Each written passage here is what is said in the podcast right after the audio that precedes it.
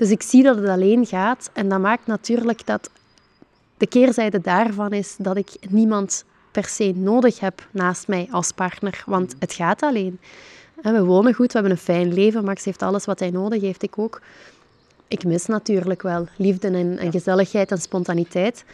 Ehm, maar ik zal nooit in een relatie zitten omdat ik denk ik ben afhankelijk van die man of ik moet hier blijven, want er is geen andere optie. Dus dat heeft me wel geleerd om heel sterk verankerd te staan op mezelf. Ja. En als er iemand aan mijn zijde komt, dan is dat omdat dat een hele mooie aanvulling is.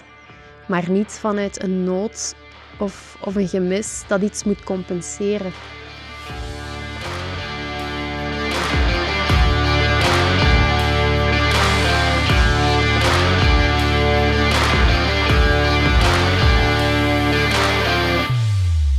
Dag iedereen en welkom terug bij de podcast die nog altijd gaat over mensen. Vandaag alleen een klein beetje meer over Celine Malister. Vanuit mijn perspectief zijn er weinig dingen die Celine niet kan. Ze is actrice en presentatrice, een van de creatieve breinen achter Hotel Hongaria. Ze heeft recent ook haar eerste roman losgelaten op de wereld en in haar levenspad als dochter, vrouw, moeder en partner hoogtes en laagtes met elkaar afgewisseld. Ik kan alleen maar oprechte bewondering tonen voor de manier waarop ze dit doet. Kin omhoog en borst vooruit. Niet sterker dan het leven, maar gewoon heel goed bewust waar haar sterktes en zwaktes liggen. Het verraadt een jarenlange oefening van reflectie en stilstaan bij de dingen die ze is, die ze doet en de dingen die gebeuren. Bij eender welke tegenslag had ze ook een ander pad kunnen kiezen. Ik weet beter dan wie ook dat de verleiding van negativiteit of zelfdestructie heel sterk kan zijn. Dat deed ze niet. Zij ging schrijven. Haar boek heet Vrouw met kind. Ik liet een pauze vanwege dat belangrijke punt in de titel. Het is een manifest voor de sterke vrouw die naast moeder ook vrouw mag zijn. Het is voor mij een verhaal dat mij toont dat we heel gemakkelijk in clichés en rollenpatronen denken, terwijl we in 2021 toch beter moeten weten. Elke beweging heeft zijn of haar pioniers en ik denk dat Céline voor Vlaanderen zo'n rol opneemt in de publicatie van haar boek. Dat geldt voor alleenstaande vrouwen met kinderen of vrouwen met kinderen, misschien zelfs vrouwen zonder kinderen. Ondertussen heb ik ook als man lessen geleerd uit het verhaal dat Celine vertelt. Ik ben altijd dankbaar om aan tafel te zitten met eender welke gast. En vandaag ben ik ook heel fier dat ik Celine haar roman kan laten voorstellen.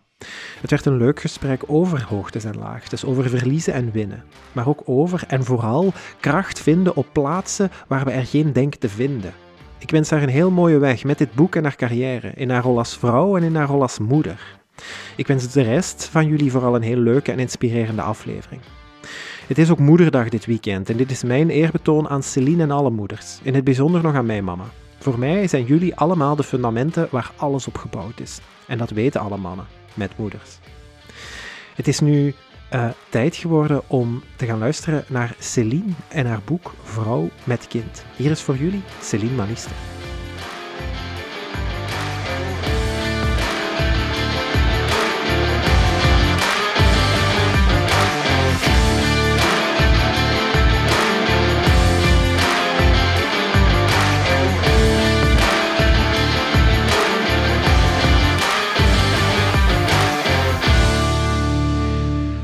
Een uh, hele goede middag, Celine.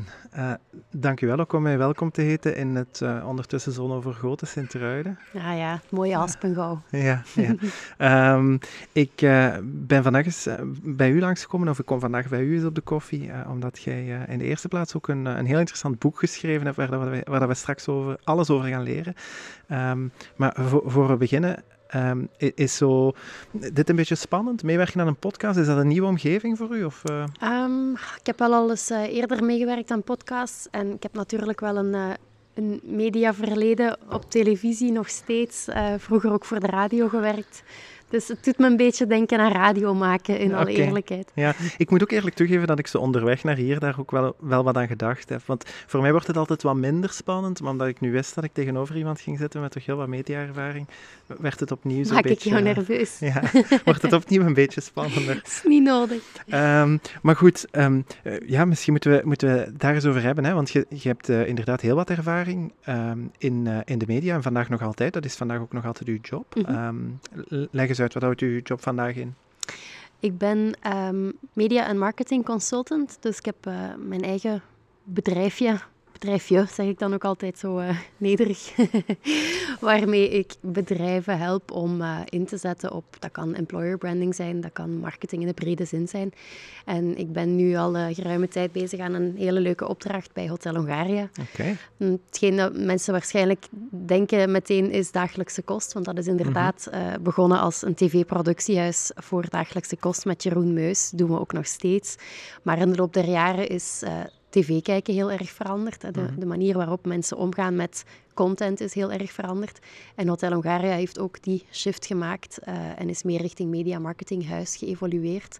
En daar ben ik dan binnengekomen uh, in die volle transformatie eigenlijk, om ervoor te zorgen dat ze dat als een, een extra poot nog steviger zouden kunnen uitbouwen naast het luik tv, dat er nog altijd is en nog altijd de belangrijkste poot blijft. Ook het gaan creëren van eigen merken. Okay. Net zoals dagelijkse kosten eigen merk is, waar je dan een tv-programma hebt aan de basis.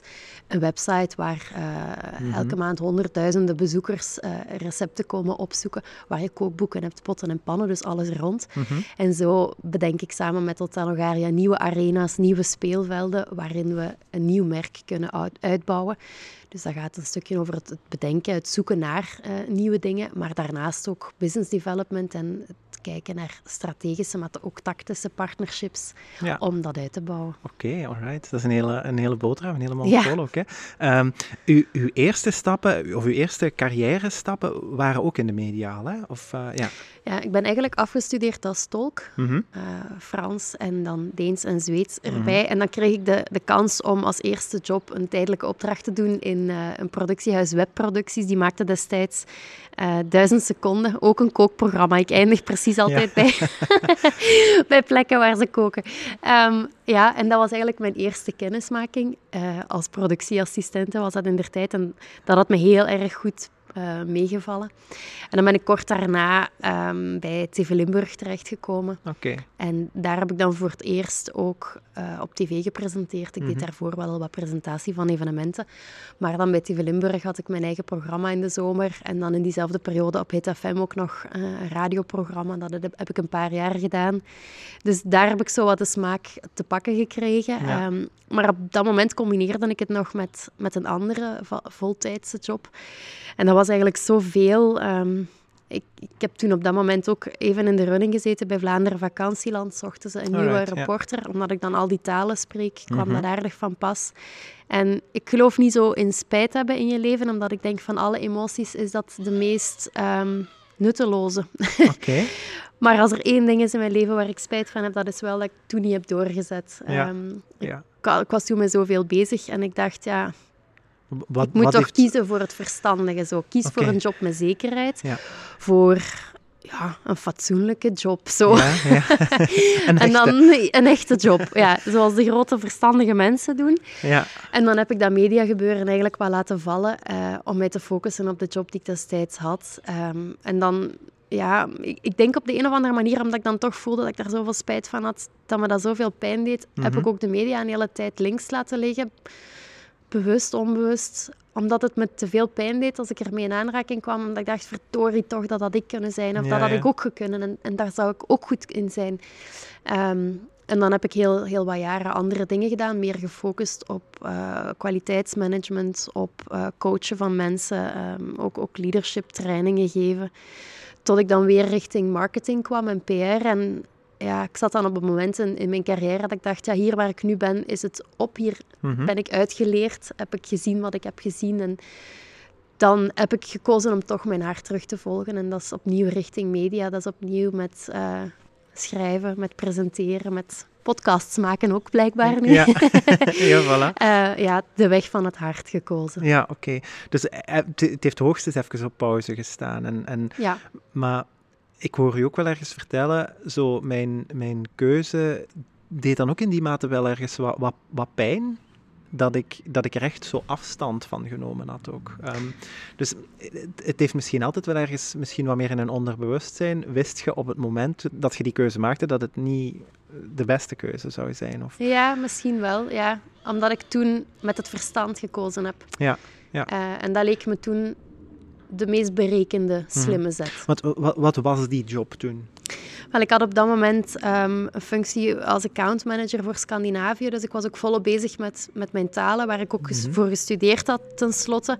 Wat ook niet zo evident is. Hè? Als je met Deens en Zweeds aan de slag wil, dan zijn de, de mogelijkheden niet heel erg ruim. Ja. En die plek waar ik zat was, was uitdagend. Ik was met mijn talen bezig. Dus op zich was dat heel erg dicht bij mijn opleiding voelde ik me daar ook nog wel oké. Ehm, ik had in die periode met mijn toenmalige vriend ook nog een, een eigen zaak daarnaast. Dus oh we combineerden allebei een job en de zaak. En ik dacht, ja, het lijkt me zo egoïstisch als ik nu moet zeggen, ik, ik zet dat op de helling voor een mogelijke job in de media, voor, ja, je weet dan nooit hoe lang mhm. dat dat duurt. Mhm. het, het, leek me ook niet zo, ja, niet zo fair tegenover hem of zo op dat moment. Oké. Ja, ook onterecht, want je kan ook maar iemand anders gelukkig maken als je zelf gelukkig bent. En die relatie heeft ook geen stand gehouden, dus te meer, ja. verdoe me toch. en, en, en, de, en de job als account manager ook niet?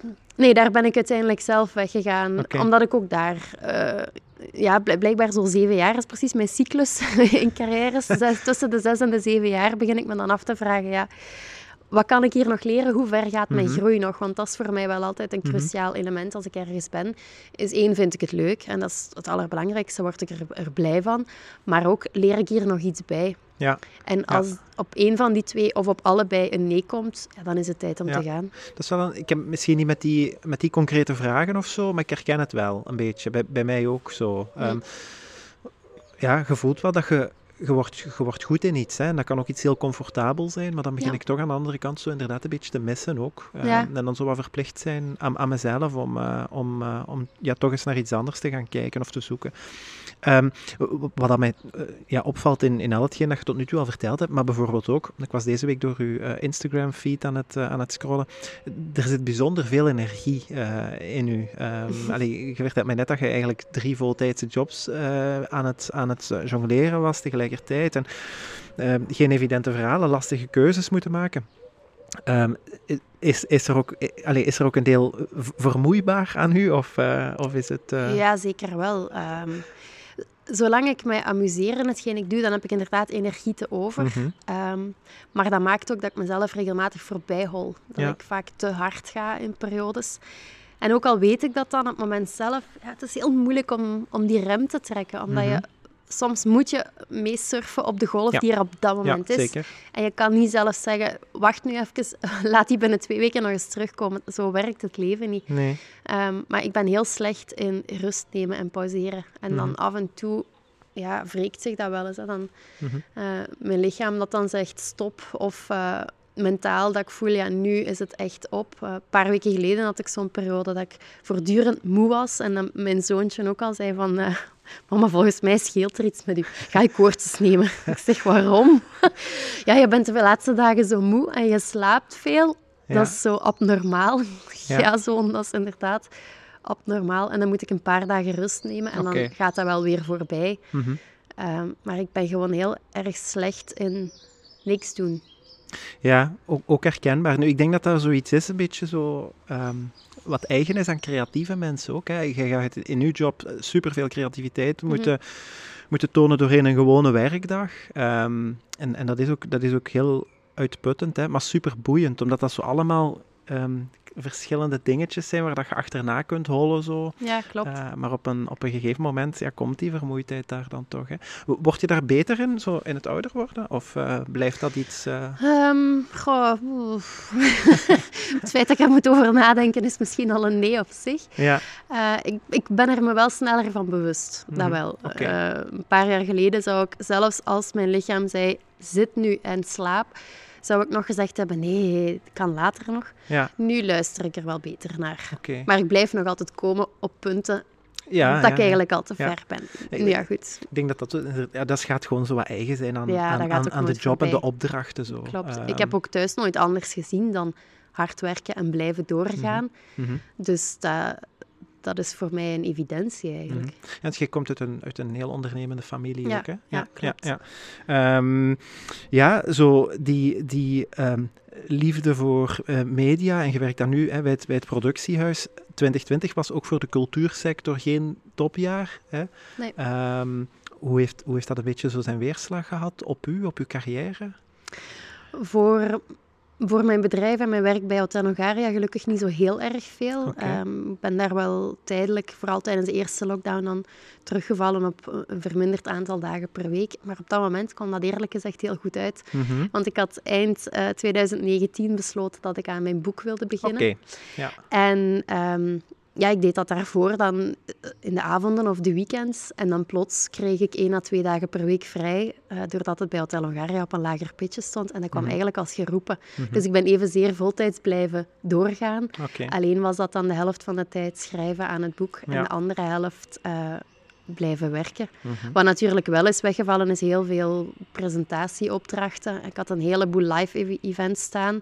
Eh, in België, ik had ook een, een geweldige job in het buitenland eh, voor een, een week presentatie in Rome. Dat is er verdorie ook tussenuit gevallen. Eh, ook op tv-vlak, eh, bij TV Limburg, dan lag het ook heel even stil.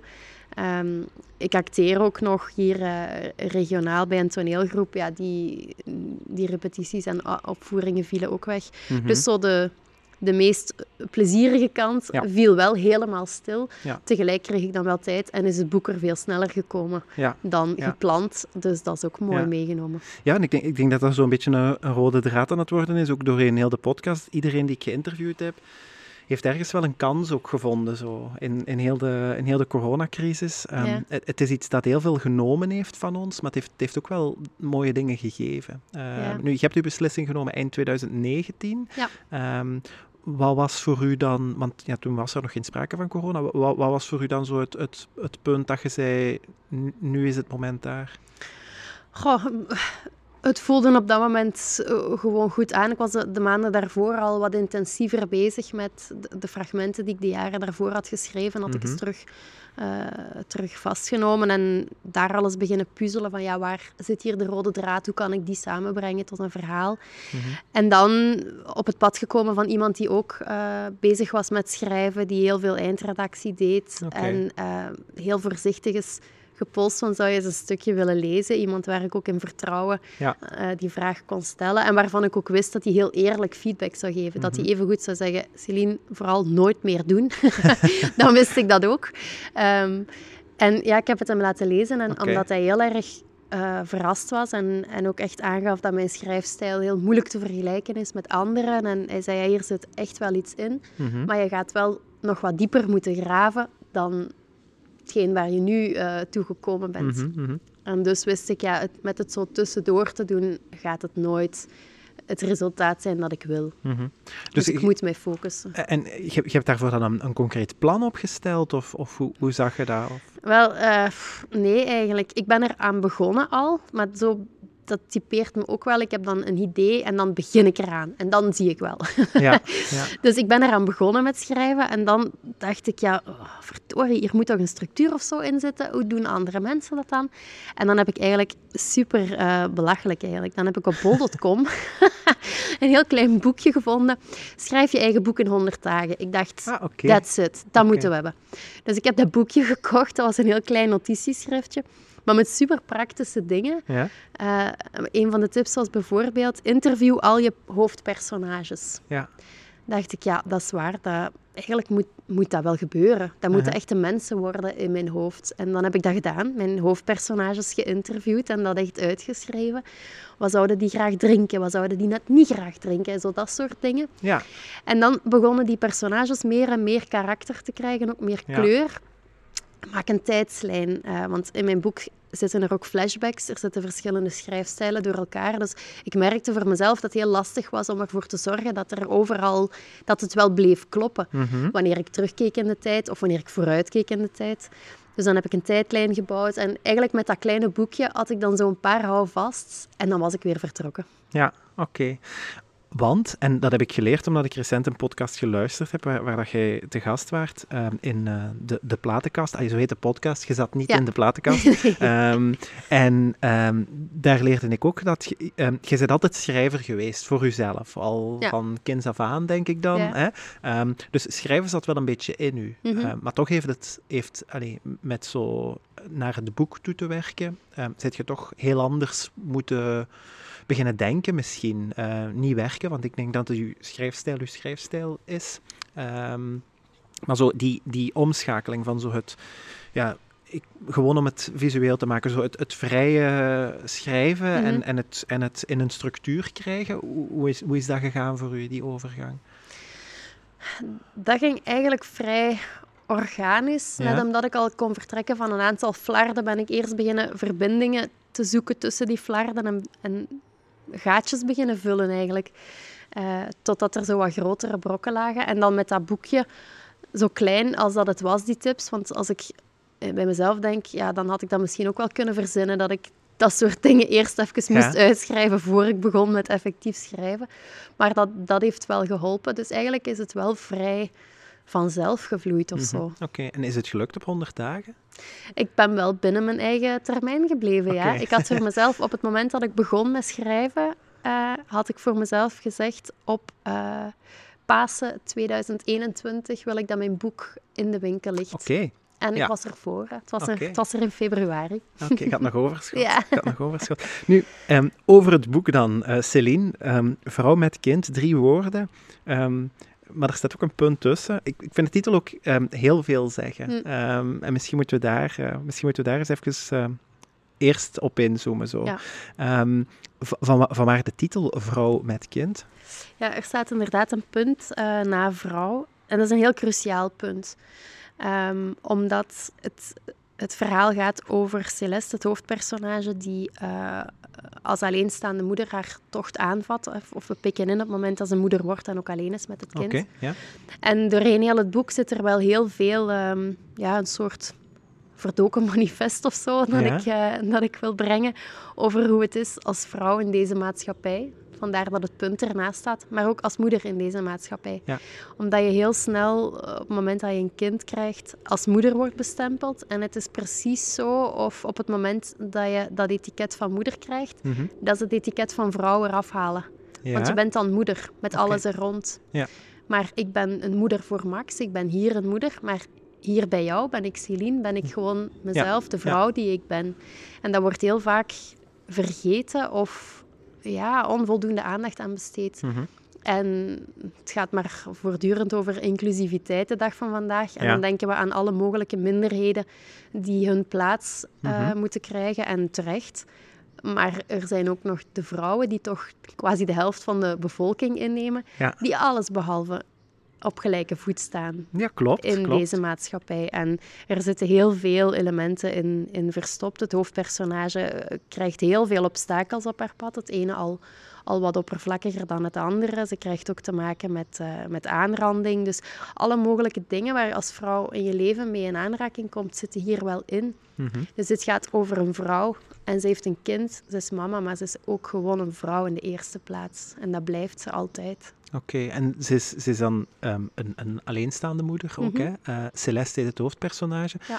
Zit er, er zit een stukje autobiografie in ook? Ja, toen het boek pas uitkwam was ik heel bang om dat toe te geven, maar het is wel zo. Ja, ja, uh, ja. Er, zit eigenlijk, uh, er zit eigenlijk best veel van mezelf en ik ben ook mhm. alleenstaande mama. Mm -hmm. Dus toen ik uh, zeven maanden zwanger was, is, is mijn toenmalige vriend bij mij weggegaan. Mm -hmm. um, en aan de andere kant ben ik ook als kind zo opgegroeid. Mama, papa en ik hebben een auto-ongeval gehad toen ik 2,5 was. En daarin is papa overleden. Ja. En ik ben dan met mama alleen geweest tot ik een jaar of negen was. En dan heeft ze wel een andere man leren kennen. Daar heeft ze ook uh, mijn zus mee okay. gekregen. Ja. Later zijn ze dan weer gescheiden. Maar, maar, uh, dus ik heb wel een korte tijd ook een, een, gezinsleven gehad in een traditionele vorm, of moet je dat dan noemen. Ja. Maar het overgrote deel van mijn leven heb ik gezien hoe het gaat als alleenstaande vrouw. Zag ik mhm. bij mijn mama of zie ik bij mezelf. En dus dat vind je er wel in terug. Ja, het is eigenlijk het is een beetje allez, absoluut onbewust en onbedoeld, maar, maar ook een, een beetje, ja, daar zit ook wat tragiek in, dat de geschiedenis zich zo herhaalt, precies. Ja, ja, ja, klopt. En daarom dat er heel veel flashbacks in zitten, omdat ik inderdaad die parallellen ook wilde aangeven, ook al is dat een andere een andere tijd intussen. En is het leven van de moeder van Celeste en van haarzelf anders. Toch zijn er ook heel veel gelijkenissen. Ja, ja. ja oké. Ja, allee, zo in, in mijn voorgeschiedenis dan, dat is een beetje een ander verhaal. Ehm, maar wij, ja, wij zijn letterlijk gevlucht, um, waardoor dat mijn, mijn moeder een alleenstaande moeder werd. Mhm. Toen ik, ik ga ook iets van een negen of tien jaar geweest zijn, uh, Ja. denk ik. Ehm, en dat is... ja, ik, ik zit dan vooral in die kindrol zo. Ja. Dat, dat is voor mij absoluut herkenbaar.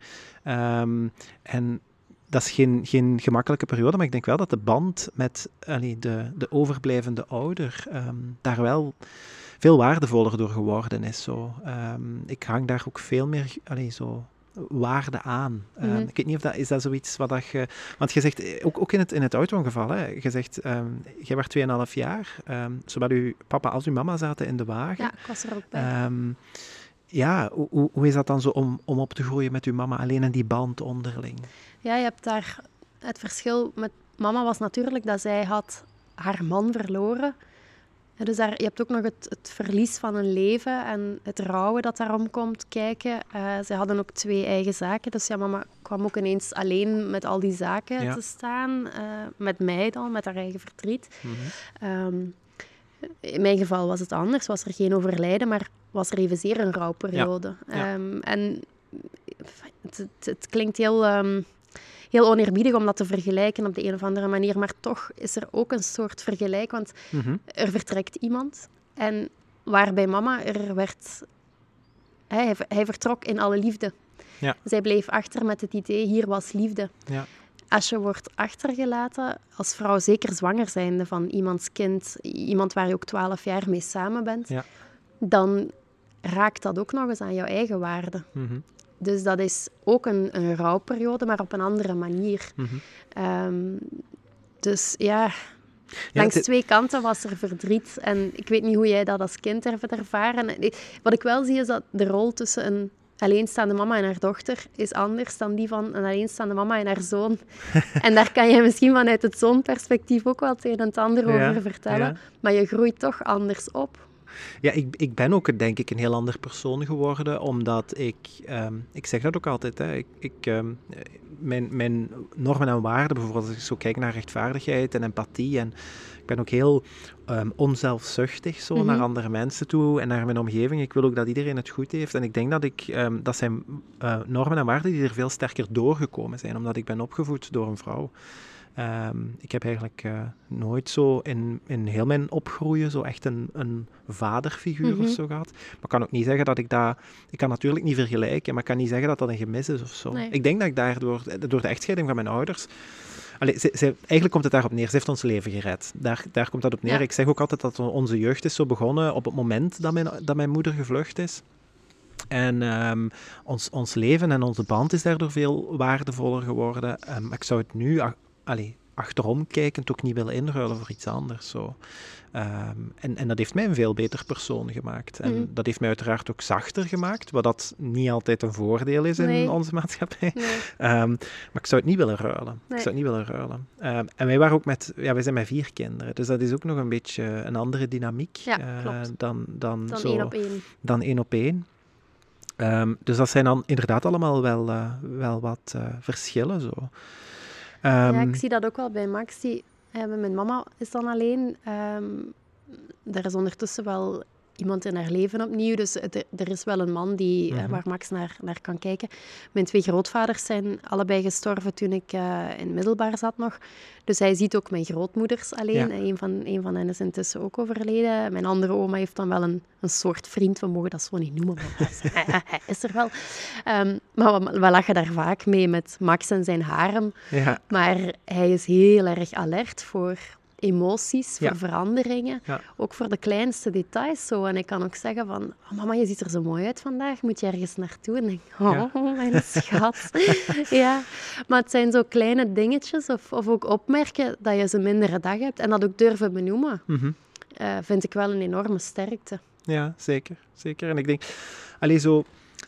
Want ook voor hem, hè, ik heb dat toen ook gevoeld. Ehm, en dat is wat jij ook omschrijft. Zo het, het levend verlies. Je hebt dat meegemaakt als, als, alleen misschien als kind minder bewust, maar zeker Mhm. als partner zo. Hè. Er, er, er, er is iets gebroken, er is iets kapot en, en dat, dat, dat gaat nooit meer terugkomen of dat werkt niet meer.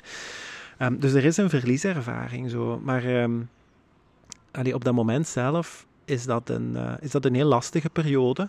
Maar uh, ik denk, en allee, ik kan het natuurlijk niet, niet voor Max uitmaken, maar als ik het zo'n beetje probeer te vertalen, denk ik ook wel dat, uh, dat hij daar het waardevolle van inziet. Uh, misschien onbewust, maar op latere leeftijd komt dat wel. Um, ik ben mijn mm. moeder ook, alleen, en, en Max zal dat naar u toe ook zeker wel doen, hè, daar, daar, daar geloof ik wel in. Um, maar um, in het ouder worden hecht ik ook wel veel meer waarde aan die band. En ben ik mijn moeder ook absoluut heel dankbaar voor hetgeen dat ze, dat ze voor ons gedaan mm. heeft altijd. Dat is mooi.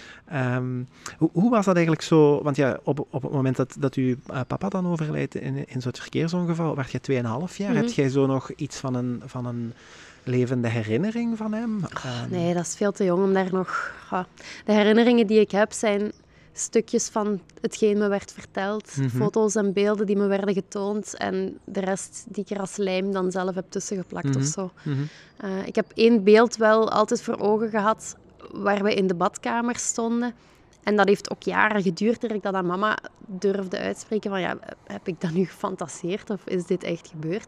En dat bleek dan ook echt, echt gebeurd te zijn, uh, heel kort voor hij overleden is. Okay. En we kenden de mensen die woonden in het huis waar wij destijds woonden. En dan heb ik gevraagd of ik de badkamers mocht zien. en het was exact het behangpapier zoals ik voor ogen had en de inrichting. En heel raar, ik kan ook niet goed plaatsen waarom dat ene moment ja. dan zo heel levendig nog in mijn hoofd is blijven zitten. Ik kan dat niet duiden. Maar dat ene moment is er. Voor de rest, nee.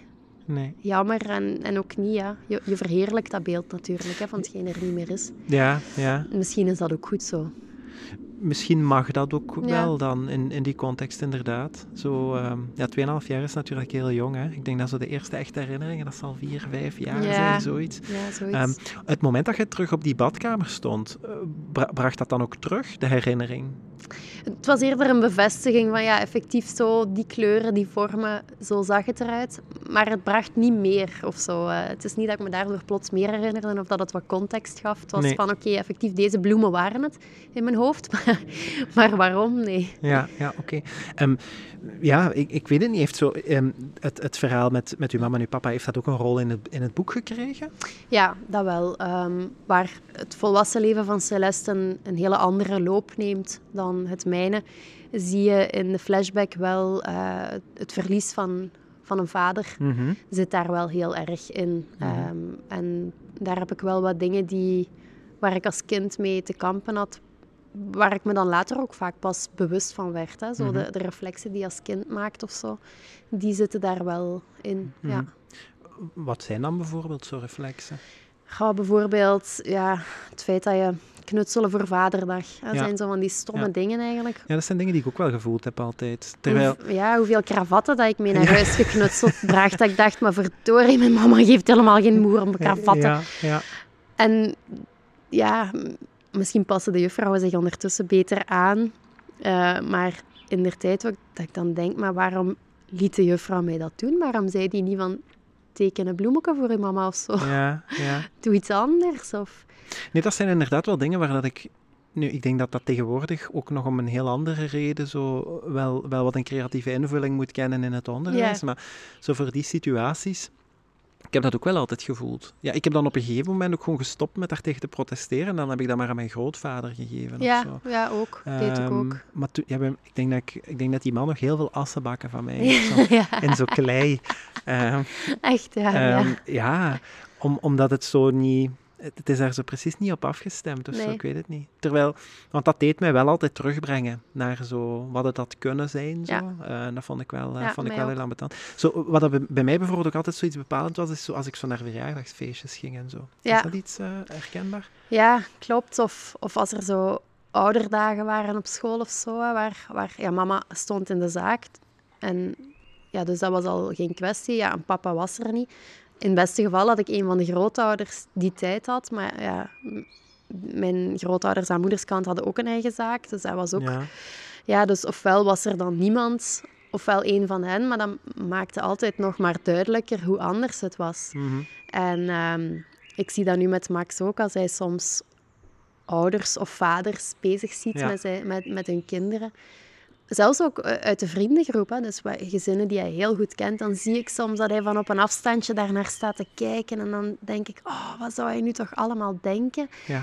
Maar dat is niet dat hij daar met verdriet naar kijkt, maar eerder met een bewondering van, wauw, dat Ja. moet toch, wauw. Ja. Zo, dat zie ik aan hem.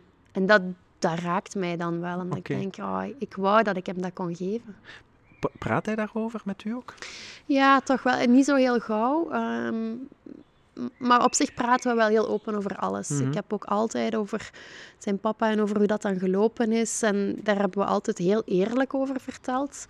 Soms dat mensen ook zeiden van, hij is zo klein, hij, hij is daar niet klaar voor. Dat ik dacht, maar jawel, allee, Mhm. tuurlijk wel. Mhm. Kinderen zijn veel sterker dan je zou denken. En de eerlijkheid is altijd het beste. Maar dat is niet dat we het daar voortdurend over hebben. Soms als, als ergens iets hem geraakt heeft of, of als hij ergens vragen bij heeft, zal hij dat wel stellen. Soms eerder aan mijn zus dan aan mij. Ah ja. Eh, zo afhankelijk van waar hij... Hij voelt van, ja, nu, nu is het moment zo. Oké. oké. Ja. Eh, Zitten er misschien ook zo... Zitten daar ook wat eh, herkenbare dingen in voor u? Want ja, jij als, als dochter wou waarschijnlijk ook heel, heel wat dingen leren over uw papa. Ehm, heeft, heeft Max een beetje de, zo dezelfde nieuwsgierigheid? Lijkt dat wat op elkaar? Of? Max durft veel meer vragen en zeggen wat hij voelt. Ik was heel, heel erg gesloten als kind. Mhm. Ehm, omdat ik zag dat mama verdriet had en het zwaar had. En ik zag mijn grootouders die droevig waren. En ik was ook heel vaak bij mijn grootouders aan vaderskant. Op woensdagnamiddagen en op zaterdagen en zo. En mijn oma die wentelde zich heel erg in dat verdriet. En dus Mhm. er waren overal herinneringen aan papa. Er stond heel vaak muziek op die haar aan hem deed denken. Of ik moest naar foto's kijken, naar videocassettes waar hij als, als klein manneken op stond. En Ja. ze duwde me zo vaak met mijn neus op de feiten dat ik als tegenreactie er niks over wou weten. En het ook vertikte om er iets over te vragen. Mhm. Bij mama durfde ik niet en daar wilde ik niet. Dus ik heb dat ook jarenlang gewoon ja, dat doosje dichtgelaten in mijn hoofd en gedacht van ja, het is nu wat het is. Ik kan er toch niks aan veranderen. Wat ben ik met Ja. antwoorden? Of wat Mhm. waarom moet ik die vragen nog stellen? Ja, klopt. Ehm, en ja, die weerslag komt dan ooit wel. Hè. Als je groter wordt, eh, denk je toch, verdoemen, ik had dat nog moeten vragen. En, Ja. en dan heb ik het met mama daar heel af en toe wel eens over gehad. En gek genoeg is dit boek wel de aanleiding geweest om ehm, toch eens een paar dingen te vragen die, die ik dan zo heel voorzichtig... Of dat ze zo zei van, ah zeg, dat personage maakt dan dat mee en zij zegt dan dat. Dat is toch vreemd. Waarom zegt ze nu zoiets? Ja, ik denk dat ze dat zegt omdat ze denkt. Voelt ze zich dan? Ja, ik denk dat ze zich zo... Oké. en dan waren we eruit. Ja, oké. Dus het boek was op de een of andere manier ook wel een soort... eh, ja, middel om, Ja. om zo dat laatste stukje van het gesprek dat we nooit gevoerd hebben, toch te voeren. Ja. Hoe, hoe is het met uw mama eigenlijk nu, op dit moment? Zo? Ja, mama maakt het heel goed. Ze heeft een Ja. aantal jaar geleden eh, de zaak en het pand verkocht en ze heeft het nog nooit zo druk gehad als nu. Ja, ja, zoals de Dus, meeste mensen die het dan wel echt, rustig ja, ja, ze geniet van het leven en ze trekt erop uit. En, eh, ja, geweldig. Ik vind dat geweldig om te zien. Oké, Ze straalt eh, zoals ik haar eigenlijk heel lang niet heb zien stralen. Dat doet me plezier. Oké, heel fijn. Hoe oud is ze nu? Oei, ik kan nadenken. Ergens in de 60. Ja, oké. Sorry, mama. het zal ongeveer hetzelfde zijn als, eh, als, als mijn mama. Zo. Ehm, eh, de, we hadden het er al over, hè? Zo de, de parallellen tussen Céline en, en Celeste. Mhm. Ehm, ja, allee, zo de, het, het verhaal, of we bevallen in het verhaal op het moment dat ze er letterlijk alleen voor staat als, eh, als mama of Ja. als vrouw met kind. Hè? Ja. Ehm, en, en zo die, die st- eh, ja, strijd is een, is een groot woord, hè, maar zodat ehm, zich ook een beetje willen profileren, inderdaad, als vrouw en niet alleen als mama. Zo. Ehm, je hebt ook al aangegeven, hè, dat is met wat groeipijnen gegaan. Op, heb je vandaag zo in je leven het gevoel allee, dat je die, die plaats wel verworven hebt? Of, eh, Goh, ik denk waar het verschil dan wel zit tussen haar en mij, is dat Celeste in het boek daar veel harder tegenin gaat en daar veel meer voor strijdt. Ik denk soms, ja, ik gebruik dit boek nu wel om het aan te kaarten en ik ben ook heel blij dat dat, dat kan. Maar het Mhm. is niet zo dat ik elke dag op de barricade sta of iedereen erop wijst van, hela, eh, let een keer op. ja. Eh, dat nu ook weer niet. Maar is, is het ook een beetje het zo... blijft toch wel een voelen hoor. Ja, voilà. ja. Is, is, is het ook een beetje zo dat je bijna ook een beetje meer op haar zou willen lijken soms? Ja, ja, misschien wel. Ja. Eh, misschien wel. Ik heb... Mensen denken heel vaak dat ik heel erg eh, zelfzeker ben, dat ik overhoop van zelfvertrouwen en dat, dat alles mij in de schoot geworpen komt. Mhm. Maar eh, ik ben heel vaak onzeker. En dat kan heel, heel... Als het eens in mijn hoofd zit, dan kan dat echt dagenlang in mijn hoofd kruipen. In die mate dat ik er zelfs heel angstig van word bij momenten. Dat het mij letterlijk de adem beneemt. En dat ik dan echt moet denken van, maar wacht nu even. Waar zijn we over aan het nadenken? Waar gaat dit nog over? En dan kan ik dat op, op termijn wel plaatsen. Maar ik heb heel veel onzekere momenten. En dat zien mensen nooit natuurlijk. Ehm, ja, het is ook niet, ik ben dan ook niet het type dat dan inderdaad op mijn Instagram-feed een post zegt en zegt hé hey mannen, vandaag ben ik kei onzeker. Ja, En dan denk ik, ja, daar heeft ook niemand een boodschap aan. ja. Maar dat is er wel. Ehm, dus ja, daar heeft het, het hoofdpersonage veel minder last van. Zij gaat meer vooruit. Ja. Ik ga ook vooruit, maar in de achtergrond Mhm. met redelijk wat twijfel regelmatig. Ja, ja. Ja, Ik denk dat dat inderdaad iets is dat zo eigen is aan ons, eh, aan ons allemaal. En dat iedereen het ook een beetje verplicht is aan zichzelf om zo af en toe wat onzeker te zijn. Ja, absoluut. Dat, dat zelfkritische maakt ook dat je goede dingen doet. En dat maakt ook zelfbewust. En dat is wel een verschil. Ik ben heel zelfbewust, dat wel. Ik weet heel goed waar ik goed in ben. Ik weet ook waar ik niet goed in ben. Dus als ik ergens op inzet, dan is dat op de dingen waarvan ik weet, ja, dit, dit kan lukken. Mhm. Dus als je dan aan de buitenkant denkt, ja, daar lukt alles, ja, dan is dat omdat ik heel goed weet waar mijn sterktes, maar ook mijn zwaktes liggen. Ja. Maar dat is nog iets anders dan overlopen van zelfvertrouwen en voortdurend denken, laat maar komen, ik kan de hele wereld aan. Mhm. Dat is wel een verschil. Maar het is, het is wel, voor, voor de korte periode dat ik u nu ken, Celine, eh, ja, vanuit mijn perspectief lijkt je ook wel meer uit, allee, op zo'n een, een pijl die uit een boog komt en eh, recht, recht op een doel afgaat. Dus Ja. ja, ik, Ik ga ook recht op mijn Ja. doel af, maar ik ben, de lat voor mezelf ligt zo hoog Mhm. dat ik zelden kan zeggen, dat heb ik goed gedaan. Oké. En, en hoe, is, hoe is die eh, competentie, hoe gaat dat dan in combinatie met het schrijven van een boek? Ja, dat was natuurlijk wel het meest uitdagende. Daarom waarschijnlijk dat ik er nog nooit eerder aan begonnen was. Mhm. En dat ik dan gelukkig die persoon tegen het lijf gelopen ben, twee jaar geleden ondertussen, die ik vertrouwde om een stukje te laten lezen. Mhm. Want dat is jezelf heel erg blootgeven natuurlijk. En vanaf het moment dat hij bevestigde van dit is goed, ik wist ook dat hij een waardevolle mening had, toen zat mijn, mijn zelfvertrouwen op vlak van het schrijven wel oké. en dacht ik, goed, hier, kan ik, hier durf ik op inzetten, hier mag het. En vanaf dan was het inderdaad als een, een pijl uit een boog. Had ik, oké, van hier werd bevestigd, ik kan schrijven, dit zit goed, ik heb een goed verhaal. Ja. Ik ga dit gewoon uitbrengen. En het niet uitbrengen was ook geen optie meer. Daarom dat ik ook voor mezelf had gezegd, Pasen 21, dat is realistisch. En of ik een uitgever ging vinden of niet, was voor mij zelfs geen kwestie. Mhm. Ik had er uiteindelijk twee die het wilden uitgeven, dus ik had Ah, nog wat keuze. Dat was kiezen. fijn. Ja, ja oké. Het is dan uiteindelijk Borgerhoff en, eh, en Lambrecht geworden, Ja. eh, denk ik. Hè? Dus voor iedereen ook die inderdaad geïnteresseerd is om, eh, om het boek te lezen. Ehm, ik geef toe, ik heb het nog niet gelezen, maar ik ga het wel zeker doen. eh, omdat ik denk dat er voor mij ook heel wat herkenbare dingen in zitten. Ehm, ik, ik denk ook in, in eender welke rol, want ik zou ook soms wel eens graag in het hoofd van mijn mama willen zitten Ja, op, eh, ja. op zo'n moment. Ehm, zo, hoe, hoe is dan, eh, want het boek is dan uitgekomen nog niet zo gek lang geleden eigenlijk. Hoe, hoe zijn zo de, de reacties tot nu toe? Ja, de reacties die, die althans tot bij mij komen Ja. toch, zijn heel positief. En wat me vooral veel plezier doet, dat is... het, het is een vrouwenboek en daar kunnen we niet omheen. Het is Mhm. ook eh, bewust, als je wil iets in de markt zetten, moet je weten voor wie je schrijft. En dit gaat over alleenstaande vrouwen. En als ik schreef, had ik ook dat profiel voor ogen. Mhm. Maar wat me vooral plezier doet, is dat ik ook reacties krijg van evenzeer alleenstaande vaders. Of vrouwen de leeftijd van mijn mama of ouder, die zeggen, ja, ik heb altijd in een heel traditioneel, liefhebbend, stabiel gezin geleefd. En toch herken ik mij ook, toch voelde ik mij ook vaak zo. Ehm, of vaders die zeggen van, ja, ik herken heel goed het standpunt van de, de man in het boek, maar evenzeer die van de vrouw. Ehm, dus het is wel fijn dat het breder reikt dan de alleenstaande moeders alleen en dat de herkenbaarheid ook door de gelaagdheid van het boek eh, heel ver reikt. Ja. En dat is fijn. Mensen die me sturen bijvoorbeeld als ze de nacht door hebben gelezen. Of dat ze hebben gehuild omdat het hen deed denken aan hun eigen moeder. Eh, dat, is, dat zijn zo mooie reacties. Ja, ja. En ik, er zit ook absoluut iets universeel in, denk ik. Hè. Het, gaat, het, gaat over, het gaat ook een beetje over de band hè, tussen een ouder met een kind. Mhm. En die dan allebei op hun eigen manier, denk ik, iets, iets groot of klein door of meemaken. Ja. Dus dat is zo het universele deel van het verhaal.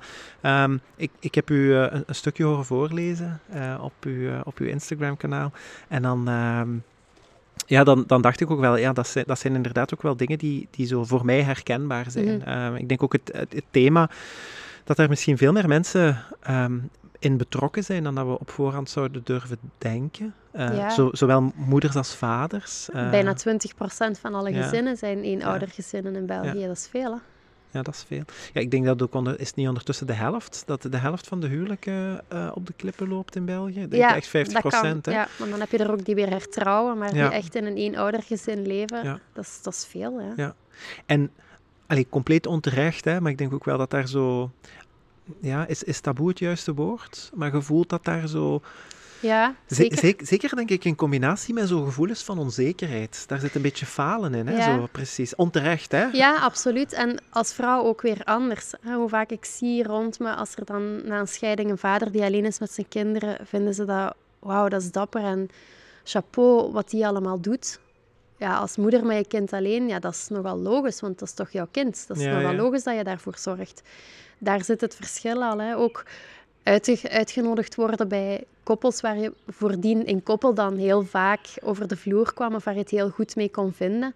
Als vrouw alleen word je lang niet zo vaak uitgenodigd Nee. bij een ander koppel. Word je sneller gezien als een soort rivalen of zo? Of denken de mensen, omdat je geen man hebt, dat je plots als een, eh, als een roofdier rondloopt en eh, ook mannen van vriendinnen zou bespringen? Eh, helemaal niet. Maar ook dat voel je wel, hè, dat je sociale leven valt weg. Ook financieel val je terug op plots één loon. Je hebt dan de onzekerheid van alleen gelaten te zijn, wat je heel erg doet twijfelen aan wie jij bent als mens, als vrouw. Wat je ook doet twijfelen aan of je als ouder wel alles kan geven wat je kind nodig heeft. Materieel, maar zeker ook mentaal. Mhm. Dus je komt op zoveel struikelblokken uit. En als man is dat toch weer anders. Mannen, Ja. Ik zie alleenstaande mannen wel nog steeds gevraagd worden door koppels. Misschien nog vaker dan ervoor, want och arme, hij moet alleen zijn plan trekken. We gaan hem eens nodigen om te komen eten. We gaan hem eens een bakje eten meegeven. We gaan, ja, Ja, en dat, als, kunnen, die- dat kunnen mannen niet. nee, maar dat, dat is ook daar foute ideeën. ja, Maar zo zie ik het wel gebeuren. ja, zeker. Ja, zeker. ik ben ook heel veel vrienden uit die tijd verloren of uit het oog verloren, omdat ik daar ook niet meer aan te pas kwam. Mhm. Ja. En zo, want op zich, met, met, een, met een heel ernstige periode in je leven, ehm, dat, is een, dat is een kruispunt. Hè. Je kunt heel veel dingen kiezen, heel veel wegen kiezen. Ehm, jij, bent dan in iets heel positiefs gesprongen, door daar inderdaad over te beginnen schrijven. Toen was er nog geen sprake van een boek misschien. Ehm, maar gewoon die, die, die reflex, wat heeft gemaakt dat dat uw uitlaatklep werd? Goh, het is...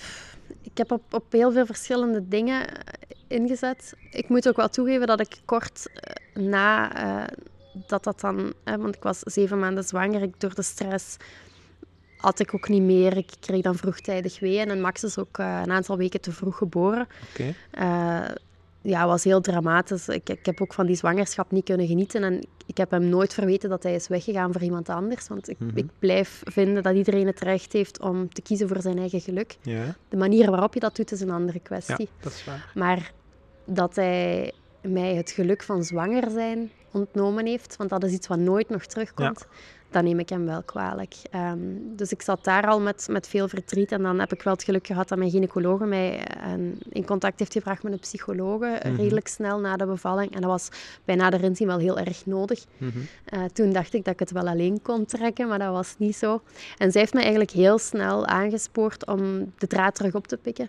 Eh, ik deed in die tijd ook regelmatig modeshows en ik had een aanvraag gekregen voor, voor een lingerie-show. En zij heeft eigenlijk gezegd, doe dat toch. Ik zei, maar gek, nee, ik ben nu hun mama, hè. daar had je het dan. Ah ja, oké. Nee, zei ze, Vond je dat leuk? Ja, dan moet je dat doen. En ik ben eigenlijk heel snel terug de dingen beginnen doen. Al was het niet van ganse harte, maar omdat ik dacht, ja, ik moet terug de draad oppikken. En er komt een moment dat ik hier terug plezier in ga vinden. Mhm. En dat is denk ik de beste manier. Ja. Eh, ja. In, in beweging komen. In beweging komen, Ja, ja, klopt. Ja. En dat is ook jezelf soms een beetje in, in beweging sleuren, duwen. Absoluut, ja, want de eerste weken heb ik, denk ik, wekenlang in dezelfde jeansbroek met rolkraag en ugs. Zo liep ik weken en weken rond.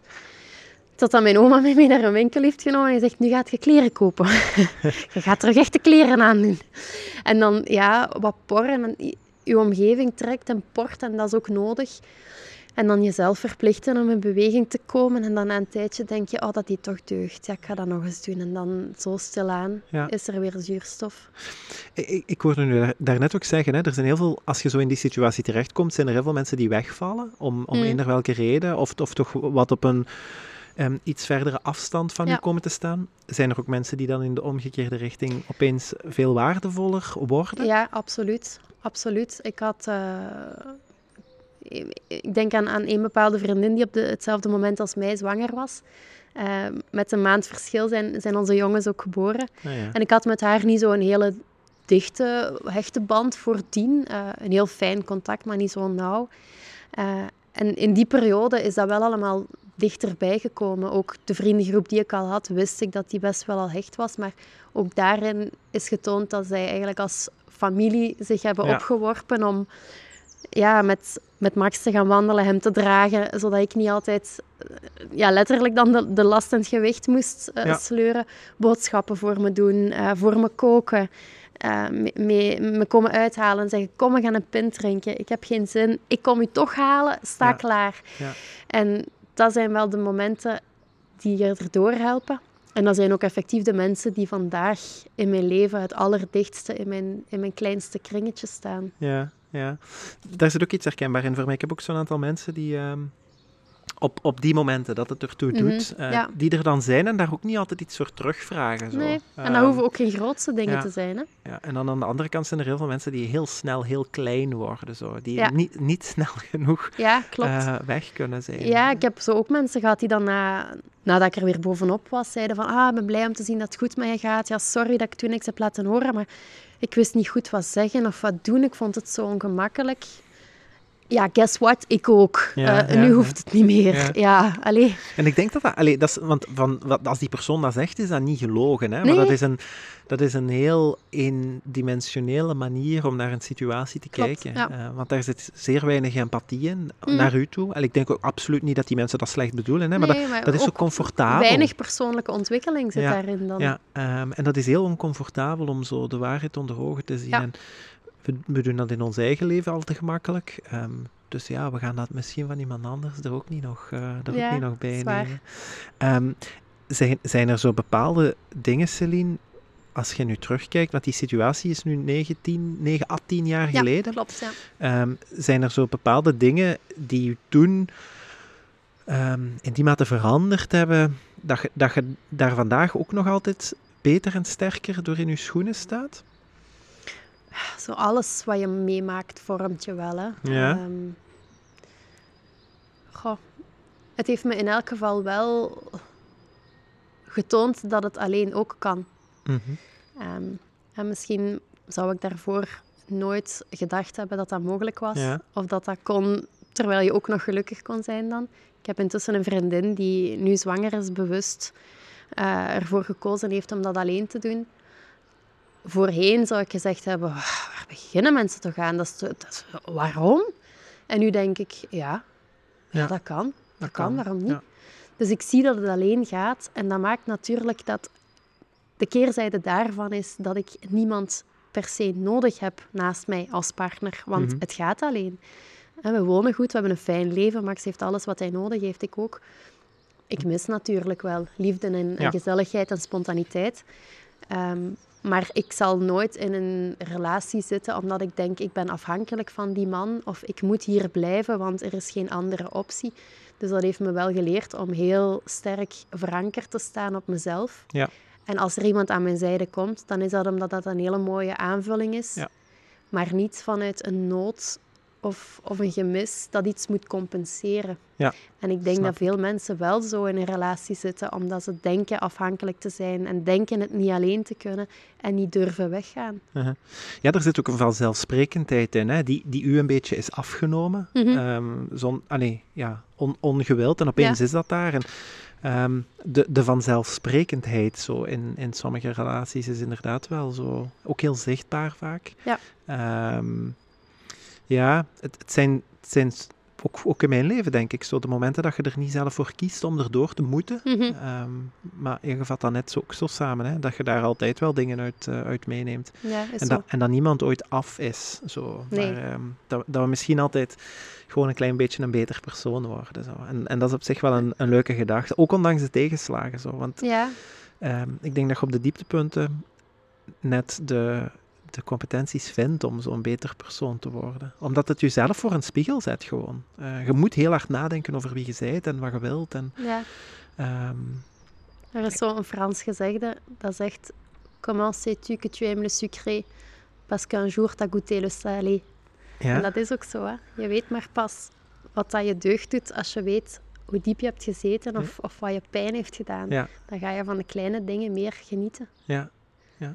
Is, eh, is Celine en, en Celeste ook iemand die van eh, de kleine dingen geniet? Ja, jawel hoor. Ja. Jawel, jawel. Ik kan, eh, ik kan zeker heel gelukkig worden van... eh, en, en Max is ook zo... Max zei onlangs bij de eerste zonnestraal... Oh, dan kunnen we binnenkort bij Bonneke, dat is dan mijn, mijn mama... Kunnen we barbecue doen? Er is niks zo goed in het leven als een spek op de barbecue. Ja.